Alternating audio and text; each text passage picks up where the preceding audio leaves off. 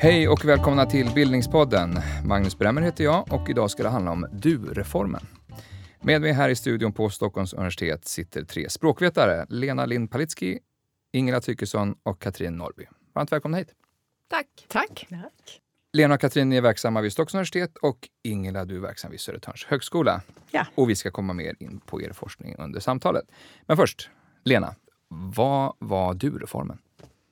Du-reformen brukar man använda som en beteckning när man ändrade tilltal från omtal, alltså att man kanske kallade folk för fröken eller herrn eller man sa mor eller så, eh, till att man började använda du mer allmänt om alla i samhället. Eller man sa också ni tidigare, så från ni och titlar till du. Men det är ganska missvisande att säga du-reformen, för för det första så har det inte bara med du att göra utan det är liksom en allmän typ av förändring av språkbruket. Och sen har det inte så mycket med en reform att göra heller. Det är inga politiska beslut eller någonting sånt. Mm. Och det här ska vi ägna närmsta timmen åt att reda ut. Precis de sakerna du pratar om nu. Eh, Ingela, du, du har forskat specifikt om du-reformen. Hur kommer man till ett sådant ämne som forskare? Alltså jag skrev en avhandling om samtal i butik idag. Och så ville jag ha, ta reda på hur har det varit förut. Så jag hade ett historiskt kapitel. Och hur alltså hur jag, man talar Ja, med hur man butiker. samtalar i Mm. butiker mm. förr i tiden när, när försäljningen skedde över disk. Mm. Och då, och då så ville jag ju helst ha tag i inspelningar av, av alltså gamla verkliga samtal, men jag hittade inga sådana. Så då fick jag gå tillväga på lite andra sätt. Och ett sätt var att jag samlade några panschisar, mm. eh, fyra stycken damer, Stockholms kvinnor som hade jobbat hela sitt liv i butik. Och så, så tänkte jag att jag ska intervjua dem hur de har pratat med kunder. Så, och jag hade lite frågor till dem och så, men det var ju stört omöjligt att få dem och, och, och minnas ens hur de hade pratat. De pratar gärna om anekdoter om hur prinsessan Sibylla hade kommit in med sitt entourage och så. Men, men just hur de pratade gick inte riktigt. Och, och jag tänkte mig, hade en föreställning att det skulle vara mycket fasta fraser. Så, och det avfärdade de direkt. Nej, nej, nej, nej, nej, sånt fick vi inte hålla på med. Det, det, var, det var usch. Så hade vi inte i våra butiker. Alltså färdiga alltså, formuleringar? Hur, vad får det lov att vara? Och sånt. Ja, det var nej. liksom Mm. klyschor som man inte skulle använda. Så, och då var jag lite förtvivlad, hur skulle jag få till detta? Så berättade de att de hade gjort rollspel för utbild, i utbildningssyfte. Och då kom jag på att ah, om jag återskapar situationerna, då kanske minnet väcks. Och så skrev jag till dem inför ett nytt möte att tänk på hur det var före du-reformen och hur det sen blev efteråt. Och då kom de igång och det blev jättebra. Och jag hade lite olika situationer som de fick sitta och, och alltså missnöjda kunder och vad det nu var för någonting. Men var det så att alla de var eniga om att det här var en stor sak? Ja, alltså sen säger de att det här var det mest genomgripande som skett i hela deras yrkesverksamma liv. Det var en sån lättnad när de slapp eh, använda titlar till kunder, slapp memorera deras namn. Mm. Vi återkommer till butikspersonalen och hör lite mer vad det där innebar. Eh, Katrin, du-reformen tror jag begrepp som många lyssnare har hört. Eh, man kanske förstår ungefär vad det betyder. Men det är också lite luddigt just det där med reform. Mm. Och, eh, vad skulle du säga vanligaste missuppfattningen om, om eh, Ja, den här jag, företeelsen? jag tror att det, det vanligaste missuppfattningen är säkert det som Lena var inne på här inledningsvis. Att man, som ju namnet faktiskt antyder, man tror att det är en reform, alltså en medveten, genomfört ungefär som man tänker sig ja, sex timmars arbetsdag eller vad som helst. Alltså att det är någon lagstiftning eller att man har gjort något medvetet en, någon gång i historien. Och så är det ju inte. Utan det är ju någonting som har vuxit fram under lång tid och sen har det kommit att kopplas till en ja, specifik person och en specifik plats. Eh, 1967 så tillträdde en ny chef, Bror Rexed, för det som idag kallas för Socialstyrelsen men som hette Medicinalstyrelsen på den tiden. Och, um, han har gått till historien som så att säga pappan till du-reformen. Då, att han föreslog att man skulle dua varann, samtliga anställda då på det här verket. Och det var ju en bombnedslag. Det blev otroligt omskrivet. Och många människor tror jag har hört talas om att det var någonting, kanske inte just Bror Rexed och, och de detaljerna, men alltså man har tolkat det då som att det var någonting ungefär att man gick över medvetet som en myndighet. Det var ju snarare en person på en myndighet som ville ha ett lite lättsammare tilltal helt enkelt på, på myndigheten. Mm. Men vad missuppfattningen här är att den här reformen hade redan börjat? Ja, alltså jag tror, ja alltså att man tänker sig när man hör du-reformen så är det många som tror att detta var någonting som man så att säga bestämde. Mm. Nu gör övriga samhället som Ja, nu gör vi så här. Så här ja. ska vi ha det. Va? Ungefär som man kan ju tänka sig eh, alltså en, en språkreform mm. eh, som eh, man nog tänker sig att man eh, det kan ju vara att det är en viss tid innan, alltså en övergångsperiod naturligtvis. Men om man tänker sig, det, det finns ju inget lexikon där det står att man får inte använda ni till exempel. Mm. Så, eh, eh så det tror jag är det vanligaste. Så tror jag också att det är Eh, att man inte riktigt känner till att det naturligtvis var en lång period och att det hela tiden har funnits variation. Alltså om man tittar på Alltså vissa samhällsgrupper, om man ser på arbetarrörelsen till exempel, så var det ju inte så att man ägnade sig åt titlar utan man duade varandra, ett slags solidaritetsduande. Eh, så det tror jag också är någonting som folk kanske inte... på sammanhanget. Ja. Mm. Men, men den här Bror Rexed-historien har ändå blivit den här historien ja. som, som födelseögonblicket någonstans. Mm. Och uppenbarligen väckte du eh, mycket reaktioner. Mm. Ja, ja, ja. Varför, mm. varför, då? Och vi har ju också kvar det där uttrycket att vi är du och bror med varandra. Ja, ja det kommer därifrån. Som är, mm. Det vet jag inte, men nej, det skulle jag tro. Nej, gör det nej, inte det? det? Det tror jag inte det gör. Utan det där är nog ett, ett, alltså ett gam, väldigt gammalt, eh, att bli du och bror med varandra. Och, eh, Kanske fick lite extra, lite extra bränsle av av Bror Rexed? Ja, kanske.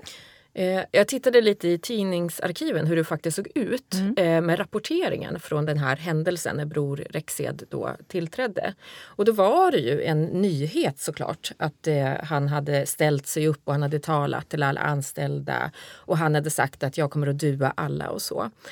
Men om man tittar på dagarna efter i den här rapporteringen så går ju, jag tror att det var Svenska Dagbladet som då går ut och tittar på andra myndigheter och så frågar de så här, men hur gör ni? Och då visar det sig att det här duandet är ju redan ganska utbrett på många myndigheter, mm, men det har inte mm. fått någon uppmärksamhet i pressen.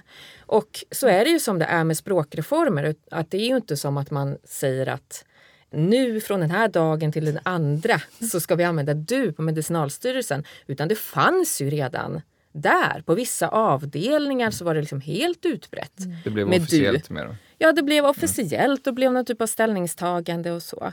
Tage Erlander till exempel som var statsminister, han duade alla eh, långt före Rexed gjorde det, vilket också, mm. också rapporterades om i tidningen. Mm. Så att det är väldigt missvisande att just Rexed har fått det här. Och så blir det ju med vissa saker i historien. Jag tycker att man kan se ganska parallellt med hen-reformen.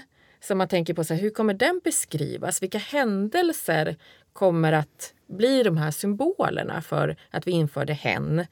Och redan nu finns det ju i historieskrivningen att men det var det här med den här barnboken, Kiwi och monsterhunden 2012, var då det började. Mm. Och så tror jag historieskrivningen kanske kommer att se ut. Mm.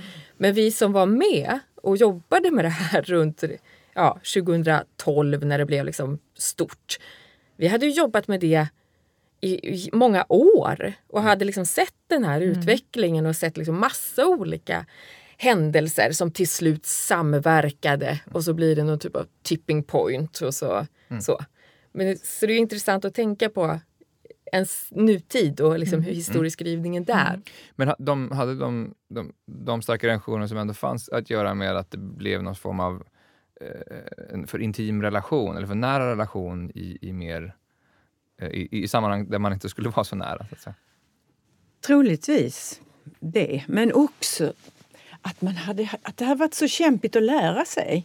Jag är uppvuxen i, i, i, Skåne, som ni kanske hör. Och jag, och, eh, Min pappa var väldigt skeptisk när han hörde folk dua varandra på tv. Alltså, Skåne låg efter också kan jag säga. Det var inte lika mycket duande där nere. Men eh, vad reagerar jag han på? Då? Jo, men jag har tänkt på det här, alltså, när vi flyttar till exempel, vi flyttar mycket.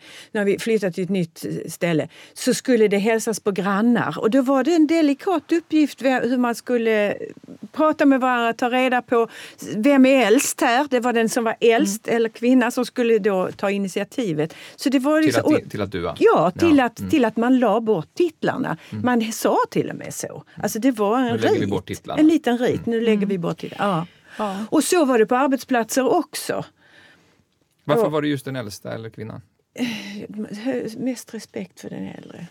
Mm. Och lite det, damerna, det damerna faktiskt, först. Det lär också ha varit så att studenter, alltså sådana som hade då, eller i sådana här sammanhang, låt säga då, om de hade då tagit studenten eh, och eh, sen i något sammanhang liksom introducerades eh, för någon eh, alltså då kollega eller presumtiv kollega, att man introducerade sig med sitt namn och så sa man ett nummer. Alltså typ ja, Kalle mm. Johansson 52, eh, vilket då betydde att det var året som man hade tagit studenten. Oh. Så att då skulle man kunna räkna ut. Så den andra då, ah, 54, då får jag avvakta och se om den här 52an då kan tänka sig att vi lägger bort titlarna. Alltså vi, det, det, är ju fullständigt absurt för oss idag. Men det förklarar ju liksom att det blir ohållbart. Mm. Mm. Lena, du, när du talar om hen-reformen så, så, så, kan man ju tänka på massa olika förutsättningar för att det här ska bli en fråga ändå i vår tid. Eh, går det att säga något om det när det gäller du-reformen? Varför händer det när det händer? så att säga ändå? Alltså du-reformen är ju en del av en, ett allmänt vad man ska säga, jämlikhetsreformer i samhället. Språket förändras ju aldrig någonsin av sig självt eh, liksom helt oberoende av samhället. Det hänger ju alltid ihop med vad som händer i samhället runt omkring. Och eh, hela ja, men den här perioden har ju varit full av olika jämlikhetsreformer i samhället. Eh, och ibland, man kan ju prata om olika saker, dels politiska förändringar, och, men det var ju väldigt mycket hierarkier som, som raserades, eller vad man ska säga, under den här perioden. Ibland pratar man också om att, att konfektionskläder som kom under den här perioden var också en stor bidragande orsak. Det vill säga att, man köpte i, i butik ja, färdigsydda snarare ja, få uppsydda kläder? Och därför att då gjorde alla det och då gick det inte längre att se skillnad så tydligt på människor. Var de kom ifrån, var, vilken klass de tillhörde. Alla började se mer likadana ut. Och Det är också en sån sak som man inte kanske tänker på att det kan påverka språket. Och Det påverkar inte bara i sig självt men att det finns liksom många rörelser som gör att det mm. blir på ett visst sätt med språket. Och det var ju Ja, massa olika sådana saker. Som jag, även de så politiska det är ju liksom mm. jättemycket som händer under ja, efterkrigstiden. Och även om man tittar liksom lite bredare utanför Sverige. Man kan ju se hela den här ska vi säga, liksom 68-rörelsen. Alltså 60-talet var en radikal period, inte bara i Sverige utan mer generellt. Och att man rycktes med av det också. Men det, har ju också, det hände ju väldigt många andra saker språkligt också. Att vi försökte eh, göra språket mer informellt. Man ifrågasatte mm. kanslisvenskan, mm. det här maktspråket som har funnits eh, där myndigheter skrev helt obegripligt. Det började ifrågasättas redan på 50-talet och sen fortsatte ju det och på 70-talet så liksom drev man väl igenom kan man säga det här med att myndigheter ska skriva på ett sätt som medborgarna förstår. Mm. Eh, innebar, innebar det också du-tilltal? Ja, eh, det har du gjort. Men jag skulle säga att du-tilltalet i myndighetstexter kom senare. Mm. Okay. Mm. Det kom på eh, 90-talet. Mm. Sen var det ju en sån ex, eh, alltså ekonomisk expansion under 60-talet också. Vårt välstånd ökade ju något enormt. Och, så, och, och, och, det har man också teorier om att det faktiskt är så att i tider av eh, expansion, ekonomisk ex, expansion och välstånd så är folk mer benägna att ändra sina normer mm. än, än när det är kristider. Och, men mm. skiljer Sverige ut sig på något sätt? Jag tänker att eh, spontant så att England och Tyskland kanske har kvar mer av de här artigare mm. tilltalen mm. idag. Ja, absolut. Om man, om man tittar alltså på, ska vi säga att det finns, alltså det är nog viktigt också att tänka på att ni. Vi har inte pratat om ni egentligen, vi har pratat om titlar. Och eh, om man tar exempelvis eh, tyska eller franska så finns det ett artigt tilltalspronomen som man använder till någon som man inte är närmare bekant med. Alltså vous på franska och sie på tyska. Och det går inte att översätta vårt ni på det sättet därför att ni har, an, ja, alltså ni har andra konnotationer och det hänger samman med det här med titlar. Alltså att ni hade blivit belastat och för att det hade använts eh, hierarkiskt från den som var i en högre ställning och hade en titel till en person som var i en lägre ställning och som inte hade en titel, som då blev niad men blev tvungen att använda titel tillbaka. Eh, vilket gjorde att det blev ett eh, väldigt eh, ja, ojämlikt tilltal. Och därför så kom alltså negativa konnotationer att eh, spridas till ni och gjorde att det var liksom obrukbart. Så det är där vi har det här att vi hade så mycket titlar eller att man inte Eh, tilltalade direkt alls utan man sa sånt där som eh, ja, ska skulle det vara något mer eller är det till att vara på semester? Mm. Så att eh, istället för att man, man skulle ju mycket väl kunna tänka sig att vi skulle, potent, vi skulle ju kunnat haft ett system som såg ut som det med det europeiska i tyska och franska där man har två. Man har ett du som är reserverat för den närmsta mm. kretsen och sen kan det variera lite grann. men är det en totalt okänd person så har man ett då motsvarande till ett ni i och det använder man också när det är lite större distans, så när man inte vill kanske vara så nära. Men det omöjliggjordes liksom av att niandet hade blivit befläckat så att säga mm. av sitt nedåtbruk. Mm. Eh, och det är lite speciellt då i svenskan. Eh, men det har med språket att göra, men också med kulturen och kanske specifikt en slags artighetskultur det kan, ja, det kan det ju. Visst, så kan det absolut vara. Eh, men jag tror att man måste, innan man liksom pratar om skiljer det sig från Europa, så måste man komma ihåg att det svenska ni, niet skiljer sig alltså som språkfenomen eh, okay. mm. eh, väldigt mycket. Alltså Erik Welander han startade någon, ja, en gammal språkvetare, mm. tysk professor, men väldigt känd. Mm. Sveriges stora språkvårdsguru mm. under ja, 1900-talet. Ja, mm. visst. Han, han eh, startade en rörelse för, för niande efter amerikansk och engelsk förebild. Att man istället för you, alltså mm. ekvivalent med you. Eh, och, och, jag vet inte hur mycket de egentligen lobbade för detta men de försökte i alla fall. Jättemycket. Ja. Alltså han, skrev en, han skrev en bok som hette tilltalsordet ni, tror jag den hette. Ja. Och det, här, alltså det bildades ni-föreningar och allt möjligt alltså i tidigt 1900-tal där man verkligen försökte då driva igenom att vi skulle få det här eh, gångbara, lite distanspronomenet då, som ju kan vara användbart naturligtvis.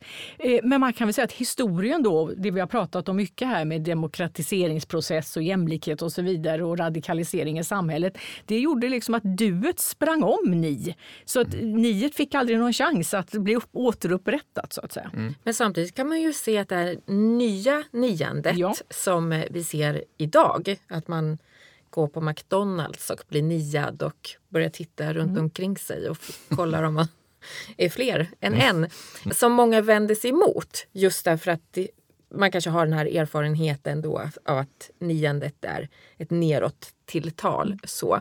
Men egentligen kanske man snarare ska se det som att det är någon typ av att vi tar över andra språks mm.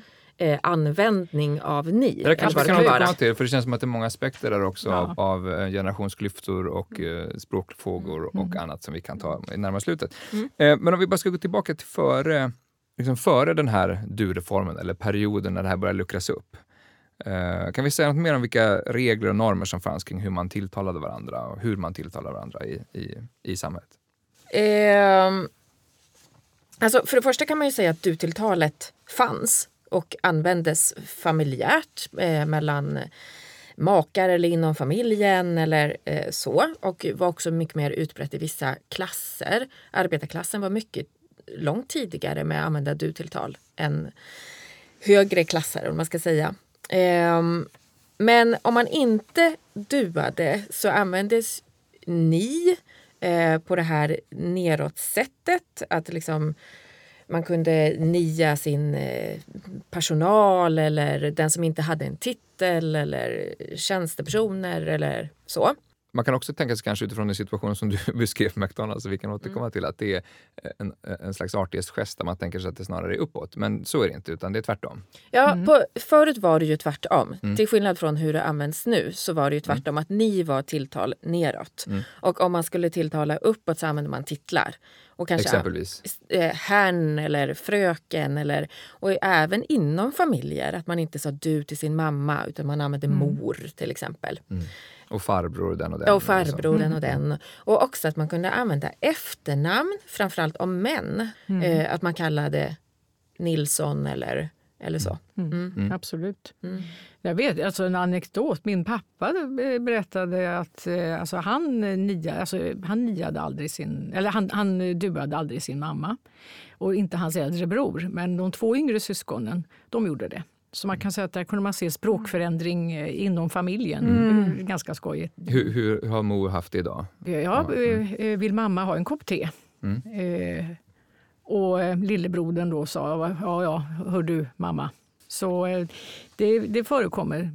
Men utifrån vilka olika kategorier kunde man tilltala eh, personer? Då? Här har vi, vi, vi har herr och fru, eh, vi har, har, vi, vi har, har vi akademiska titlar, adliga titlar? eller hur? ja. Oh, ja. Oh, ja. Ge ett Och- exempel så man bara förstår om man var, om man var, hur det kunde ha låtit. Om ens mak, alltså som kvinna, om man var, hade en man som var prost eller professor, då skulle man tituleras efter hans rang. prostinnan och ja, visst. Och det berättade de också att de kunde få en uppsträckning om de inte hade känt igen prostinnan si och så. Det räcker ju. Man kan ju titta på eh, alltså, sån här eh, SVT-arkiv och titta på någon gammal film. Så finns ju, det är ju en, en underbar källa till gammalt tilltal. Alltså, eh, har disponent Svensson kommit ännu? Nej, vi har inte sett honom. Det finns ju massa såna här gamla exempel på filmer då där det är eh, yrkestitel. Men det intressanta här är att det är ju en... Eh, eh, det är inte en informell situation, men det är ändå en situation där man ju vet saker om personen man tilltalar. I, i, om vi går till butikerna, då, hur, hur, hur löste man det där? Så att säga, om man inte vet att det är disponent Alhagen som kommer in. Ja, alltså, dels så höll ju arbetskamraterna en ajour och om det var just någon celebritet, att de skulle känna till det. Men sen då fick plugga kundregister till exempel för att lära sig namn och så. Sen var det också så här, och det, det, det här är, kan man nästan inte tro, men alltså man förväntades också plugga eh, gradbeteck militära gradbeteckningar så att man sa rätt om det var en furir eller en, eh, någonting annat. Och det då- såg man kanske på, på hur personen var klädd och Ja, eh, alltså precis. Och, och då, och då skulle man absolut eh, använda rätt gradbeteckning. Men sen så var det också så att om, det, om, om, om, folk, om kamrer Olsson var inkallad och kom in i uniform Mm. så, så står det i någon sån här gammal biträdeshandbok. Observera dock att om den inkallade kamrer X på sin permission kommer in i sin vanliga butik så tilltalas han givetvis med kamrern. Men men, det här måste vi, det måste vi djupdyka i. Vad, den här, först och främst de här kundregistren. Eh, det byggde ju ändå på att man skulle känna igen personen i fråga. Då. Eh, kort sagt, man skulle kunna sina stamkunder. Ja, Men om, man in, om det kom, låt säga att det kom in en ny kund, det måste ju ha hänt. ja. Hur gjorde man då? Ja, hur gjorde man då? Man, man, eh, det fanns ju såna statusneutrala tilltal som, som min fru eller min herre eller damen. Kan Eller, ja. eller så eh, försökte man ju undvika Just. tilltal. Det fanns ju fraser som man hade för att undvika tilltal. Vad får det lov att vara? Eller den typen av fraser. det kan bli en lång rad av sådana Ja, ja formuleringar. absolut. Ja. Ja. Mm. Men det här det visar ju också det ohållbara. Att- Det har ju också att göra med till exempel ökad inflyttning till städerna och att folk rör på sig mycket mer. Att när det blir väldigt många människor som man då inte känner igen och, och ja, men, då blir det ju situationen helt ohållbar. För man kan ju inte hålla på att plugga in massa människor som man inte känner igen när det blir väldigt många. Och så där. Om man tilltalade fel, eh, kunde det bli tråkiga situationer? Ja, man kunde bli uppkallad till chefen då och få en uppsträckning. Eller, eller också att kunden tydligt visar sitt missnöje och, och, och, Och och, och fråga efter något annat biträde som hade större hyfs. Mm. Sen var det så här också att typen av butik kunde ha betydelse också. Det finns en, en vittnesskildring av ett eh, varuhusbiträde nere i Lund, EPA i Lund, mm. som, som eh, berättar att när doktorinnan Boman kom in så fick man inte kalla henne för doktorinnan Boman. Trots att hela stan visste att det var hon. Därför att man skulle inte avslöja att en sån fin människa handlade på ett simpelt varuhus. Ja, EPA var så lågpris Ja, ja, ja. ja. Jaha, mm. ja, så där, där, var hon inte doktorinna. Nej. Men på NK det hade det nog gått bättre. Ja. NK gick det bättre. Ja. Okay. Men äh, man kan ju förstå att det blev en stor lättnad för butikspersonalen som du säger.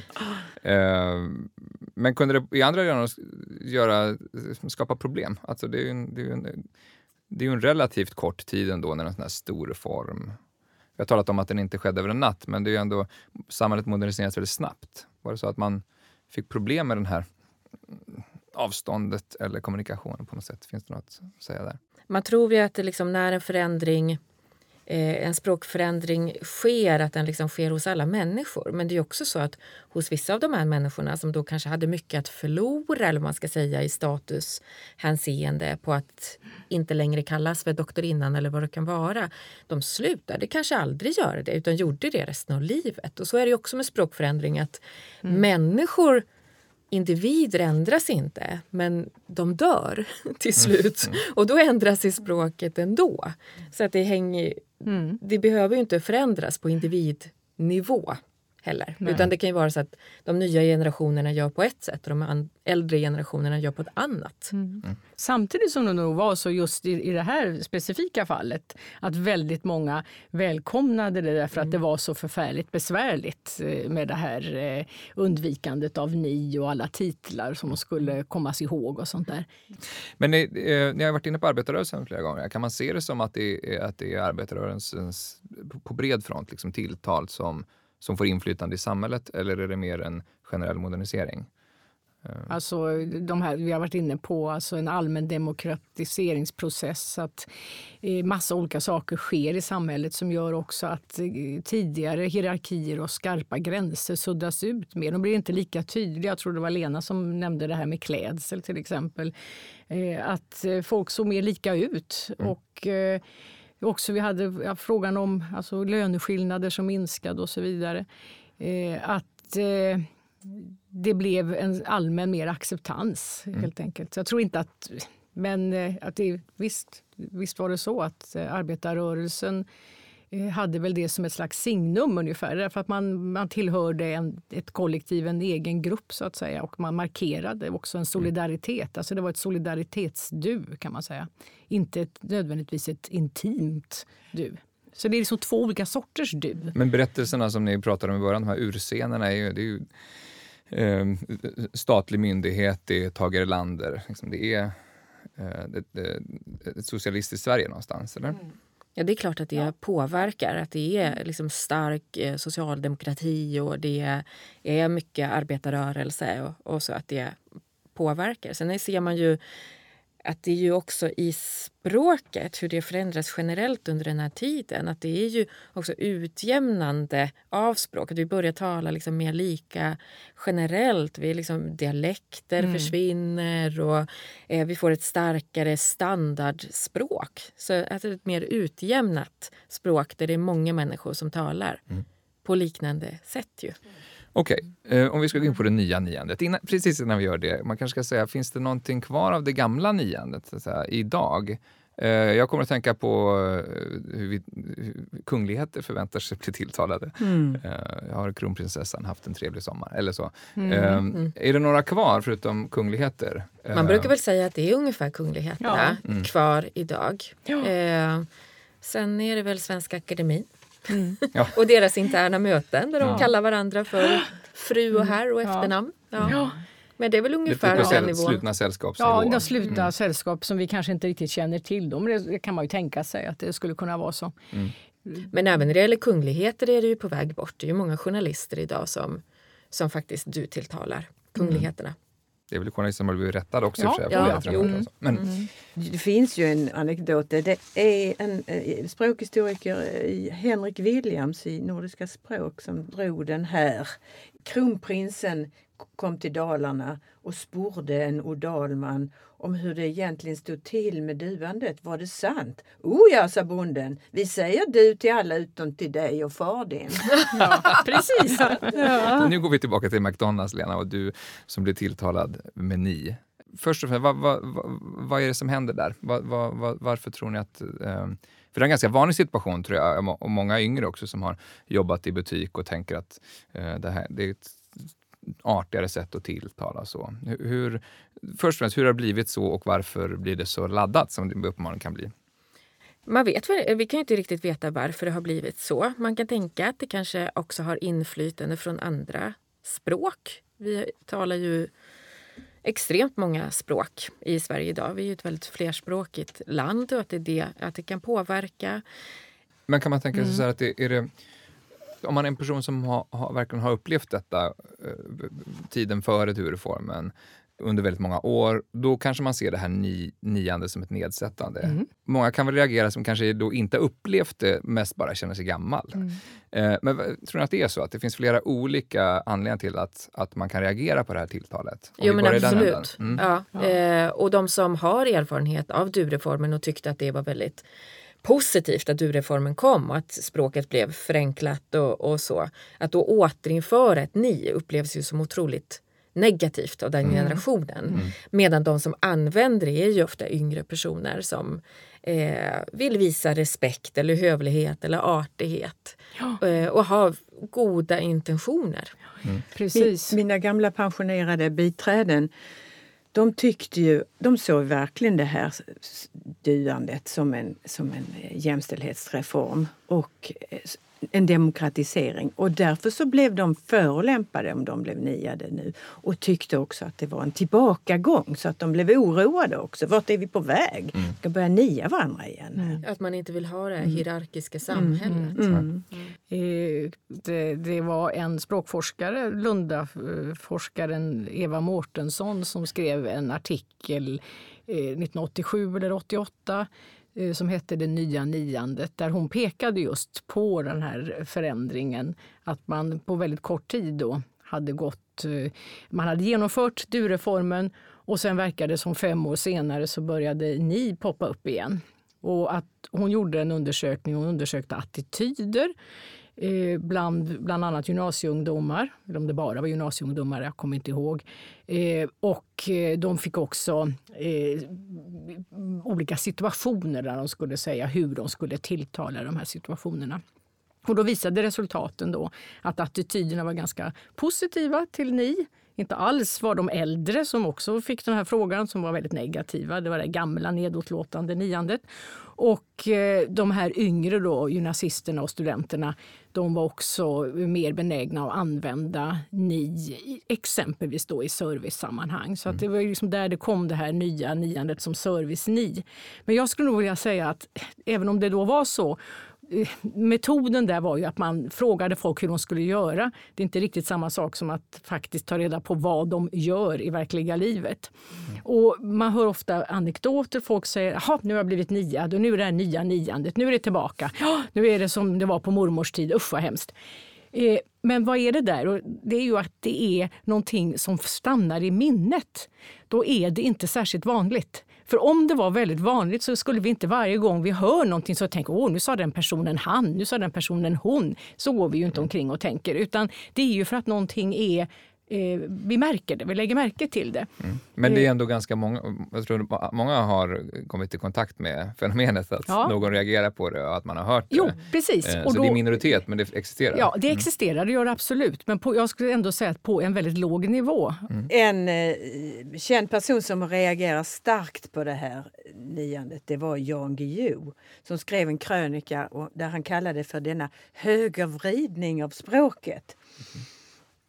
Eh, då i mitten av 80-talet någonstans. Och så säger han att han, han vet var det hela startade. Så här.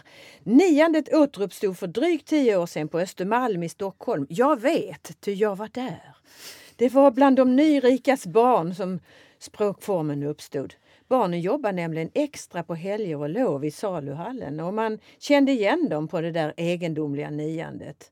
Förmodligen var det just det som barnen ville åstadkomma. Genom att iskallt nia kunderna visade de att de egentligen inte var expediter utan fint folk på feriearbete. Och självklart var Guillou där för att Ja. bevittna detta. Håller ni med om, finns det, några, finns det en sån dimension där? Ja, det där lite iskalla kan jag nog tycka. Fast det är nog mest att de triggar igång åldersnojan tror jag. Ja, det tror jag också. Ja. Eh, sen tror jag att det är ofta så här att om någon börjar säga ni i en sån situation så är det, det går ganska fort över till du. Det behövs inte så mycket för att man lämnar den där ramen. Sen lär det förekomma, apropå McDonalds, eh, men alltså i en del såna här eh, alltså, eh, företag som har eh, instruktioner till sina anställda för hur man ska tilltala. Och det lär förekomma enligt då uppgifter som eh, informanter som vi har haft i de här fokusgrupperna som har jobbat just på olika ställen. Att man har sagt att antingen att man ska säga ni eller att man ska undvika att tilltala. Och ehm, då är det ju eh, ett Eh, man tänker sig det här niandet är ju naturligtvis ett artigt, europeiskt om vi kan säga då, eh, typ av, eh, av tilltal. Men jag tror att det är, liksom, det är de här två dimensionerna som vi varit inne på. Dels är det att det finns det där gamla, eh, den äldre generationen som minns det gamla nedlåtande. Och sen att de yngre som har ett nytt ni som är artigt och eh, välment. Men det är ålderskodat. Och det är det i vårt samhälle så vi firar gärna yngre, det är liksom ungdom är något positivt. Och att eh, då bli niad, jaså, är jag så gammal? Eh, blir en reaktion då. Och eh, det, jag tror att det är de här två aspekterna som spelar in. Sen kan man ju också se att det finns ju också företag som har gjort eh, tvärtom, som har gjort en ska säga, karriär utomlands genom att försöka sprida det svenska duandet. Jag tänker på Ikea framför allt och också Hennes och Mauritz. Eh, I Tyskland till exempel så har det lett till eh, eh, rättstvister där alltså personer som har blivit duade av eh, en anställd har alltså tagit det vidare och menat att det finns, man har rätt att bli eh, tilltalad på ett korrekt sätt. Eh, Så att det är, det är dynamit alltså det vi sitter och pratar om. Men den, den typen av rättsfall finns inte i, i Sverige. Nej, nej, men alltså det är väldigt tydligt. Jag gjorde en undersökning eh, för ett antal år sedan tillsammans med en kollega i Australien eh, där vi tittade på hur det såg ut på eh, webbplatserna för Ikea i 30 länder. Och eh, då kunde vi notera att exempelvis i Tyskland så hade man en väldigt sån hejig du-stil. Alltså det stod, det var en sån här chattfunktion och då dök det upp en, en väldigt rågblond eh, tecknad figur av en kvinna som skulle hjälpa till och som sa då hej på svenska, alltså eh, stavat hej. Och så kom det då med ett du-tilltal Eh, och hon hette också Anna, då, bara förnamn. Alltså så långt man kan tänka sig från ett tyskt eh, eh, servicesammanhang. Tittar man på den österrikiska sajten så var det lite skillnad. Eh, där så var det i och för sig hej, men det var alltså inte ett du, utan där var det ni. Så att man hade tagit lite intryck av vad som var möjligt, men man ville verkligen så att säga profilera sig som extremt svensk. Och det här med hej och du var ett sånt sätt. Men tror ni också att, att vi har tappat bort eh, någon slags artighetskultur här som man har kvar i, i länder som England och Tyskland och eh, Japan som kanske då också är mer hierarkiska men där, där artighet är mer kulturellt eh, genomsyrad. Så att säga. Eh, I- istället för att man säger ni till en person man uppfattar är äldre i en butik. Eh, att man gör skillnad på folk. Alltså jag tänker bara, om jag nu ska tänka på butiksvärlden, så är det ju så mycket som har ändrats där. Förr i tiden så kom man in, man blev betjänad en och en. Eh, alltså personlig service var det ju. Och då kunde man också räkna med att bli socialt bekräftad och och förväntade sig det.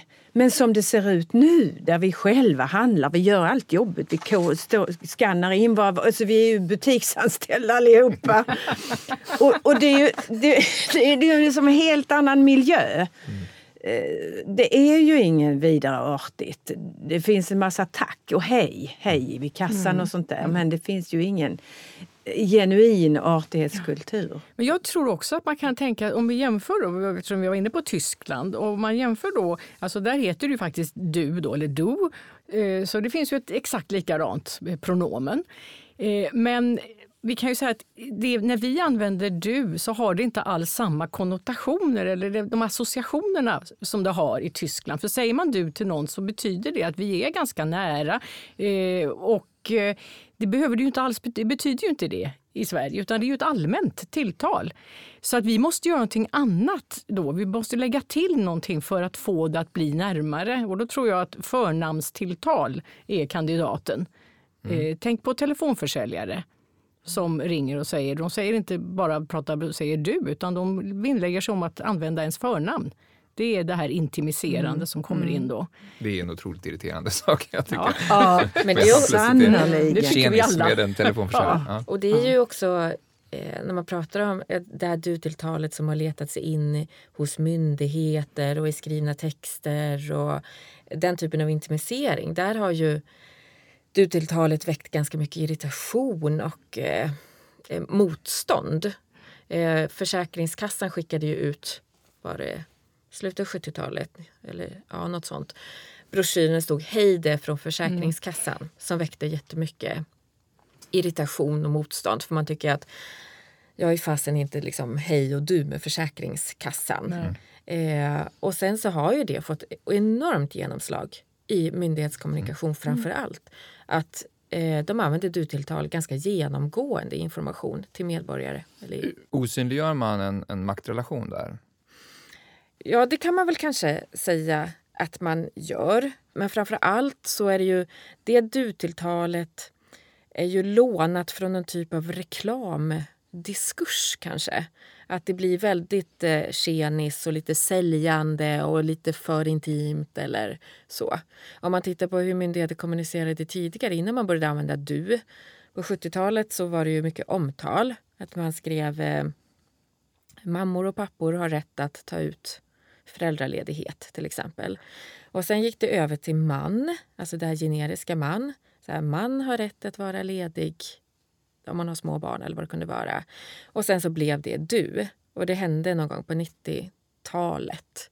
Eh, och i, när man har liksom kritiserat det så är det mer att det, att det är lånat av den här reklamsäljande liksom, diskursen. Mm. Mm. Det är oerhört komplext eh, att studera sånt här fenomen, uppenbarligen, har vi förstått under den här timmen. Vad skulle du säga är det svåraste att som språkvetare närma sig ett sånt här ämne? och, och verkligen komma till liksom, genuin kunskap om, om en sån här stor förändring. Sociolingvisten Labov, William Labov, han har ju sagt att fråga inte varför förändringar sker. Det går nämligen inte att, att svara på. Men däremot fråga vem är det som leder förändringarna? Det är en mer eh, möjlig fråga att eh, ägna sig åt. Men man är ju hela tiden väldigt nyfiken på varför i all sin dag? Varför här? Varför i Sverige? Varför inte i Danmark? Mm. Så. Men då kan den frågan leda till den andra frågan. Alltså, studera hur gick det till och vilka drev det och så. Kan ge svar om varför kanske? Eller? Ja, möjligen. Mm. Kanske bara delvis. Det absolut svåraste är ju just att språk och samhälle hänger så intimt samman. Och att vi kan säga någonting om språket. Vi kan undersöka språklig förändring till viss del. Men det här varför, det har ju aldrig bara en orsak. Utan det är alltid samverkande orsaker eh, som gör att det leder till språklig förändring. Och vi, det är ju jättesvårt att komma åt. Det är ju det svåraste. Mm. Jag tänker på en annan sak som vi inte har nämnt alls och det kanske man för tydlighets skull ändå ska ta med när vi har pratat om ni. Vi har ju helt, vi har inte alls pratat om ett ni som självklart är helt gångbart, nämligen ni till flera personer. Det är ju intressant för pronomen generellt, som ju man brukar betrakta som en ganska sluten ordklass. Det har liksom inte hänt någonting på tusen år och så vidare, förutom när hen kom. Att vi skulle kunna ha ett avsnitt om varje pronomen. För det är så omdiskuterat ändå. Att det är mm. intressant att det är en mm. sluten ordklass. Men vi skulle kunna prata om man till exempel. Man, ska vi säga en istället? Vi skulle kunna prata om hen, de och dem. Eh, alltså, pronomen är den mest omdiskuterade ordklassen av alla. Det tycker jag. Mm. Vi har många uppslag till framtida ämnen där. Jag får säga, men vår tid är slut för idag. Jag får säga tack till Ingela Tyrkesson, Lena Lind Paliski och Katrin Norby för att ni ville vara med i Bildningspodden. Tack så Tack mycket. så mycket. Och tack ni som har lyssnat. Vi är tillbaka om ett par veckor med ett nytt avsnitt av Bildningspodden. Tack och hej!